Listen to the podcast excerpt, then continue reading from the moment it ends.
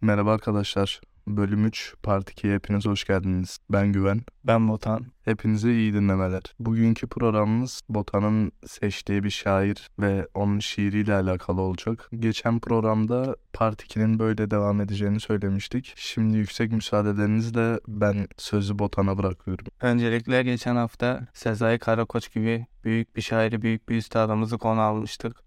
Onun Mona Rosa hikayesini konu almıştık. Bugün de hepinizin bir yerden aşina olduğu Hasretinden Prangalar Eskittim şiirinin sahibi Ahmet Arif'i konu alacağız. Ahmet Arif benim için gerçekten çok büyük bir şair. Hem okumayı hem dinlemeyi sevdiğim şiirleri var gerçekten. Yavaştan hikayesine gelelim bu Hasretinden Prangalar Eskittim'in. Ahmet Arif e, zamanında yazar Leyla Erbil'e aşık. Leyla Erbil'e şiirler, mektuplar yazıyor. Zaten Ahmet Arif'in sadece bir şiir kitabı var. Hasretinden prangalar eskittim. Bir de Leylim Leylim adında Leyla Erbil'e yazdığı mektupların kitaplaştırılmış hali var.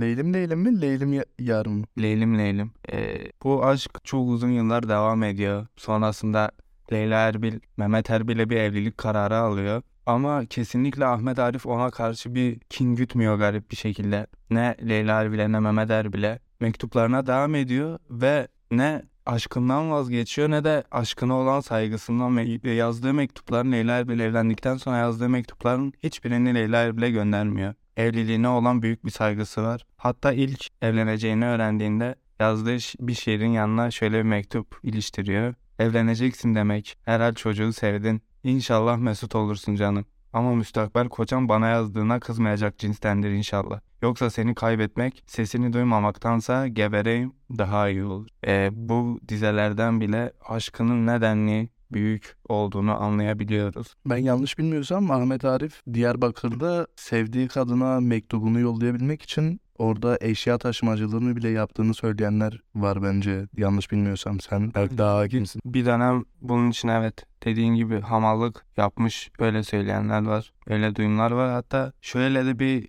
rivayet var. Bu ne kadar doğru bilmiyorum. Leyla Erbil'e aşık olduğu dönemlerde e, Cemal Süreyya'nın kız kardeşiyle bir mektuplaşmaları olmuş sanırım. İşte Cemal Süreyya sormuş kız kardeşi Ahmet Arif nasıl biridir diye. Cemal Süreyya öve öve bitirememiş Ahmet Arif'i. Sonrasında Ahmet Arif'le anlaşmışlar, konuşmuşlar buluşmak için bir gün. Üçü oturacak. Gün gelmiş, saat gelmiş. Cemal Süreyya ve kız kardeşi oturuyor. Ahmet Arif yok ortalık. Bekliyorlar. Hani Cemal Süreyya da bunu yakıştıramıyor Ahmet Arif'e. inanmıyor hani. Ya dur bekle gelecek hani geldi gelecek geldi gelecek. Ondan sonra gelmiyor Ahmet Arif. Cemal Süreyya sinirli, şaşkın. Ee, sonrasından Ahmet Arif'e soruyor neden öyle bir şey yaptın? Neden gelmedin? Aynen neden gelmedin hani böyle bir insan değilsin sen. Ahmet Arif de şöyle söylüyor. Giyecek gömleğim yoktu ondan gelmedim. Hani gerçekten insan ne diyeceğini şaşırıyor. Ha- Hasretinden prangalar eskittim. İşte onu bir şiir kitabı haline getirmeye karar verildikten sonra aslında kitabın ilk adı Hasretinden prangalar eskittim değil. İlk adını şey olarak düşünüyor. Dört bir yanın puştulası.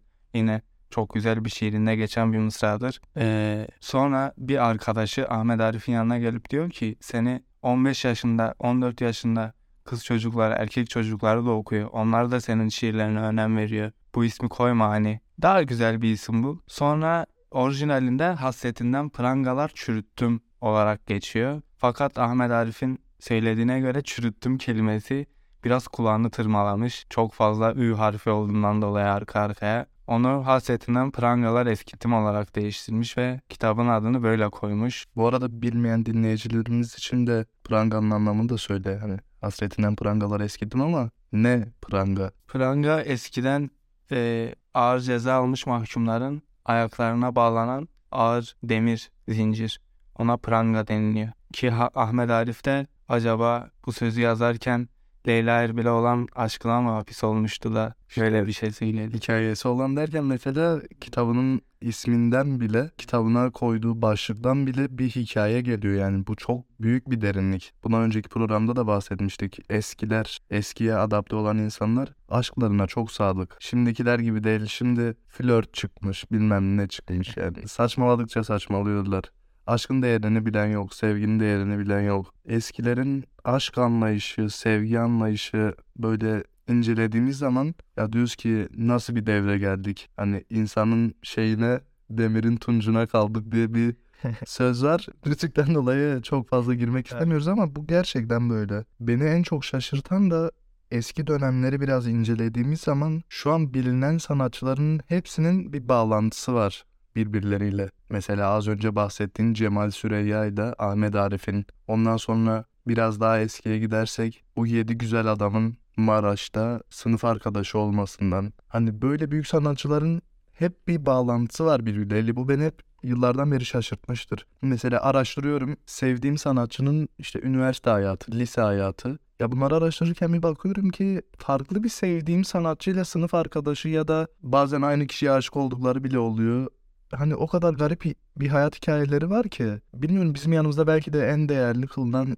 yanları bu hikayeleridir. O ortaklığın bir noktada buluşmasıdır. Hatta Ahmet Arif'in çok güzel bir sözü aklımda. Şöyle diyor. Nedense aklıma hep ölüm geliyor. Böyle ne kırık ne de anlaşılmamış gitmek istemiyorum. Böyle ki değerli bir şairimiz. Artık şiirle ilgili geri kalan kısmı sözün sahibine bırakıyorum. Sözlerinin birini söyledin bini kaldı. Hani gönül ister ki bütün şairlerimize böyle burada her kelimesini anlatalım ya. Her kelimesinin hikayesini anlatalım. Gerçekten okumaktan, bunları konuşmaktan zevk alıyorum diyebilirim. Kendimi onun yerine koyuyorum ve onun hissettiklerini hissetmeye çalışıyorum. İnsan farklı büyüleniyor, farklı oluyor. Ben de sözü fazla uzatmadan çünkü bunlar aslında size verdiğimiz kısa kısa bilgiler. Sizden istediğimiz de işin temelini burada kulak misafiri olduktan sonra gerçekten sizin de araştırmanız, böyle hikayeler öğrenilmeli bence.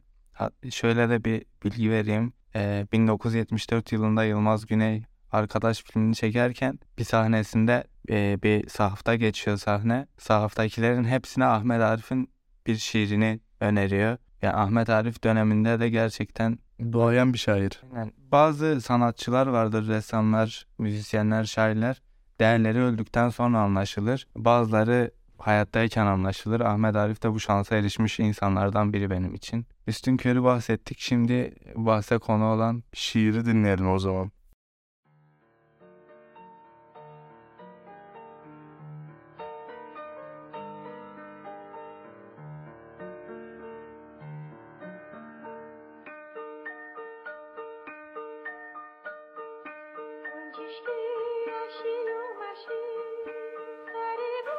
Seni anlatabilmek seni iyi çocuklara, kahramanlara seni anlatabilmek seni namussuza, halden bilmeze, kahpe yalana ardarda kaç zemheri kurt uyur, kuş uyur, zindan uyurdu. Dışarıda gürül gürül akan bir dünya. Bir ben uyumadım, kaç leylim bahar.'' Hasretinden prangalar eskittim. Saçlarına kan gülleri takayım. Bir o yana, bir bu yana. Seni bağırabilsem seni, dipsiz kuyulara, akan yıldıza, bir kibrit çöpüne varana, okyanusun en ıssız dalgasına düşmüş bir kibrit çöpüne.'' Yitirmiş tılsımını ilk sevmelerin, yitirmiş öpücükleri, payı yok, apansız inen akşamdan, bir kade, bir cigara, dalıp gidene, seni anlatabilsem seni, yokluğun cehennemin öbür adıdır. Üşüyorum, kapama gözlerini.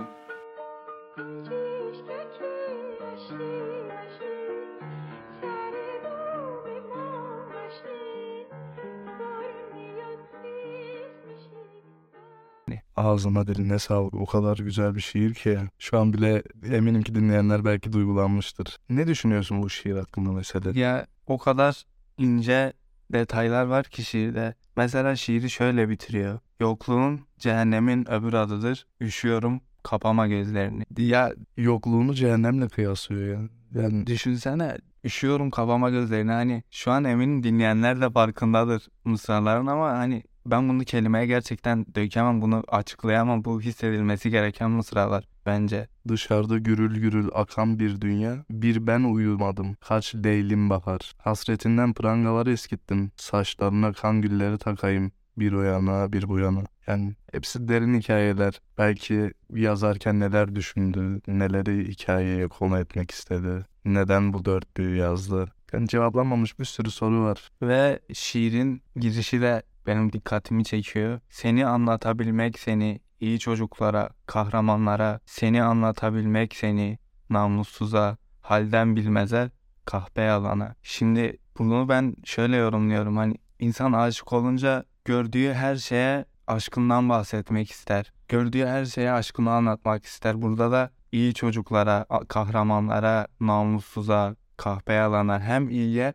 hem kötüye Ahmet Arif gördüğü her şeye Leyla Erbil'den bahsetmek istemiş. Çok sevdiğim bir sanatçının aşk üzerine bir tabiri var. İznin olursa ondan bahsedeyim. Az önce dedin ya aşık olan insan her yere aşkından bahsetmek ister. Bir gün bir programda ona şöyle bir soru iletiyorlar. İşte diyorlar ki sence aşk nedir? O da diyor ki aşk diyor aslında aşkın tanımını falan yapıyor. Ondan sonra diyor aşık nedir? Aşık nasıl davranır? Eğer diyor aşık aşkından susarsa deli olur. Eğer ki derviş verilen sırdan yana konuşursa tarumar olur. Hani ikisinin arasında o kadar ince bir çizgi var ki aşık diyor eğer susarsa bir gün aşık olan insan susarsa kahru perişan olur. Derviş de diyor ona verilen sırdan dolayı bir gün konuşursa tarumar olur. Yani o bile diyor ki aşık susamaz, konuşur. Aynen öyle. Ya zaten kendi hayatlarımıza baktığımızda da bu önermenin gerçekten ne kadar doğru olduğunu görebiliyoruz. Kimimiz için acı tecrübeler olmuştur, kimimiz için hala güzel anlar olarak kalmıştır. Bu kişiden kişiye göre değişir. Benim kötü bir tipte hiç aklımda güzel olarak hatırladığım bir insan kalmadı. Şimdikiler de değerini kendini kötüleştirerek kaybediyor. yani düşününce bir şey bitmişse iyisiyle kötüsüyle yaşanmış bitmiştir hani. İyisiyle de hatırlarsın, kötüsüyle de hatırlarsın. Hakkı hakkını vereceksin bazen. Yaşandı ve bitti saygısızca deyip Ahmet Arif'in çok sevdiğin ikinci şiirinden bir dize söyleyeceksin galiba oraya geçelim. Aynen. Bir şiiri daha var hatta bu şiiri çoğumuz bilir belki Ahmet Arif'in olduğunu bilmezsiniz ama şiiri Manuş Baba besteledi. Karanfil kokuyor cigaram dağlarına bahar gelmiş memleketimin Ahmet Arif'in bir şiiri. İçeride adlı bir şiir. Şöyle bir zaten çok kısa bir şiir. Hemen hızlı hızlı okuyup bir noktasına değineceğim. Yo hızlı okuma zamanımız var. Haberim var mı taş duvar, demir kapı, kör pencere, yastığım, ranzam, zincirim, uğruna ölümlere gidip geldiğim zulamdaki mahzun resim. Haberim var mı? Görüşmecim yeşil soğan göndermiş, karanfil kokuyor zigaram. Dağlarına bahar gelmiş memleketimin. Ahmet Arif bu şiirini sürgün yıllarında yazıyor. Zaten şiirlerinin yarısını sürgündeyken geri kalan yarısını Leyla Erbil'e yazmış. Bu şiirde de anladığımız kadarıyla cezaevindeyken yazılmış bir şiir ve şöyle bir şey var. Uğruna ölümlere gidip geldiğim Zulam'daki mahzun resim. Cezaevlerinde yatan insanların genelde ya eşlerinin ya çocuklarının, annelerinin, babalarının böyle en çok değer verdikleri insanların resimleri bulunur yanlarında. Hasret gidermek için en azından bir resim parçasıyla. Ve burada Leyla Erbil demiş ki uğruna ölüp ölümlere gidip geldiğim Zulam'daki mahzun resim. Ahmet Arif cezaevinde, sürgün, sürgünde, sürgün yıllarında ve içerideyken bile Leyla Erbil'in hasretinden böyle bir şiir, böyle bir dize yazmış. Aşkını her şiirinde böyle tanımlamış bize farklı şekillerde, farklı mısralara gizlemiş aşkını. Benim de hem yaşantısı olsun hem şiirleri olsun. Bende yeri ayrı olan bir şair. E, değeri bence bilinen şairlerimizden biri ve bu konuda gerçekten çok şanslı. Filmlerde dediğim gibi Yılmaz Güney yer vermiş Ahmet Arif'e. Şiirleri bestelendi, Manuş Baba besteleri. Yani birçoğumuzun bildiği Mazlum Çimen'in bir bestesi var. Ahmet Arif hasretinden prangalar eskitmiş. Beni eskitense prangalı hasretim. Aynen öyle. Bunu bu besteyi çok fazla sanatçı seslendirildi. Şuradan bir de hikayesi belli oluyor. Hani diyor ya Ahmet Arif hasretinden prangaları eskitti. Beni eskitense prangalı hasretim. Yani ben ona nasıl ilk başta da söylediğin gibi ben ona tutulmuşum, kelepçelenmişim, zincirlenmişim. Beni öldüren de prangalı hasretim. Yani o kadar değerli bir söz ki Mazlum Çimen bunu bestelemiş. Ondan sonra yanlış bilmiyorsam programdan sonra bakacağım belki yanlış biliyorumdur. Ozan Beşir'in de Evet. böyle bir Ozan bestesi. Beşir de bu besteyi seslendirdi. Değerli bir halk sanatçımız o da. Yani ben gerçekten ülkemizde genelde kıymetli şeylerin değeri ya geç anlaşılıyor ya hiç anlaşılmıyor. Ahmet Arif'in de belki hak ettiği değer daha fazlasıdır. Ama bu şartlara göre gerçekten ben gördüğü değerden zaman zaman böyle anılmasından, saygı gösterilmesinden çok memnunum. Benim için çok değerli bir sanatçı, çok değerli bir şair Ahmet Arif. Bugün de programımızda Ahmet Arif'e yer vermeye çalıştık. Biraz olsun size anlatabilmeye çalıştık. Geçen hafta Sezai Karakoç'tan bahsettik. Bu hafta Ahmet Arif'ten. Ee, daha anlatacağımız çok hikaye, çok şair var. E saymakla bitmez. Gerçekten çok değerli şairlerimiz olmuş bu yıla kadar. Hem şairler hem de sanatçılar da böyle. Mesela yazılan türkülerin de çok farklı hikayeleri var. En basitinden örnek vereyim. Sizin oralarla alakalı bir hikaye. Suzan Suzi'nin hikayesi. Yani bu da sanatçılar bile eskiden olan sanatçılar bile yazdığı şiirlerde, ağıtlarda yani hep bir diğer programlarda bahsettiğimiz gibi hikayesi olan, bir anısı olan şeylerden gidiyor. Aslında bir dahaki bölümde de hikayesi olan türkülere, şarkılara yer verebiliriz isterlerse. Çok duyunca şaşıracakları hikayeler var türkülerde. Mesela popüler kültürde şu an e, Koray Avcı mesela eski sanatçıların türkülerini, bestelerini yeni müzik hallerine yansıtarak söylüyor ama aslında mesela onun söylediği çoğu şarkı eski bir sanatçıya ait. Evet genelde hatta Nurettin Rençber'in şarkılarını seslendiriyor Koray Avcı. Nurettin Ençber Aşk Sana Benzer. Çok sevdiğim bir sanatçı. Bu konuda görüşümü belirtmeden yapamayacağım. Bence Nurettin Rençber'in değeri bilinmiyor. Şu an bilinmiyor. Sanatçıların da değeri Allah gecinden versin öldükten sonra anlaşılıyor. Ben kendisinin konserine üç kere gittim. İkisi tek olmak şartıyla. Dördüncüsü olsa gene giderim. Ben değerini ölmeden biliyorum ama inşallah kendisi uzun ömürler yaşar. Değeri de bilinir. Katılıyorum bu konuda Nurettin Rençber'in değeri bence de bilinmiyor. Benim de çok sevdiğim bir sanatçı. Ve işte dediğim gibi Ahmet Arif bu konuda şanslı yaşarken de değeri o dönemin şartlarına göre bence bilinmiş. Hala da bilinmeye devam eden sanatçılar şairlerimiz arasında. yavaştan da bize ayrılan sürenin hatta bizim kendimize ayırdığımız öyle işte diyerek sınırlandırdığımız sürenin de sonuna doğru gelmekteyiz. Muhabbetin geri kalanını kayıttan sonra devam edeceğiz. İsteyen arkadaşlar ulaşabilirler muhabbete doymayan arkadaşlar. Ben diyorum bir ara canlı yayın açalım Instagram'dan. Biraz da arkadaşlar da canlı şekilde gerekirse yayına katılsınlar. Bunu isteyen çok fazla kişi var. Hatta konuk almamız yönünde beni çok fazla darlayan insanlar da var. Geleyim ben anonim olayım, hikayemden bahsedeyim ama ismimi yan- yayınlamayın diyen kişiler de var. Bilmiyorum programın konsepti öyle işte. Belki ileride bir konuk alabiliriz. Alır mıyız? E tabii programımızın konseptine uyan bir konuda uyan bir arkadaşımızı konuk alabiliriz ve şöyle bir şey söyleyeyim. Şu anonim olma muhabbeti bana da birkaç söyleyen oldu. Dinleyicilerimiz için şöyle bir şey yapabiliriz. Sizin aklınıza takılan hayatınızı etkileyen bir sorununuz varsa bunu ister isminizi açıklayarak ister anonim kalmak isteyebilirsiniz. Sayfamıza yazın. Biz programımızda tartışalım. Belki farklı bir bakış açısı yakalarız sizin için. Belki sizin göremediğiniz bir şeyi görürüz o sorun, o konu hakkında. Bir etkimiz olur hayatınıza ve bu bizim gerçekten mutlu eder. Bir şey diyeceğim bu program Kırmızı Oda mıydı? Ona doğru ilerliyor galiba. evet zaten ilk sezondan sonra psikiyatri seanslarımız olacak. Bizi kim tedavi edecek? Terzi kendisi söküğünü dikemez kardeşim ya. Biz iflah olmayız. Bizim de çiçeklerimiz açacak Sabri abi. Elbet bir gün. Elbet bir gün bizim orada şey deriz biz. Yorej mutlaka sazaca. Yorej mutlaka kardeşim. Elbet bir gün. O zaman arkadaşlar 3. bölüm Part 2'nin sonuna gelmiş bulunmaktayız. Ben Güven. Ben Botan. Hepinize iyi dinlemeler. Kendinize iyi bakın. Haftaya görüşmek üzere.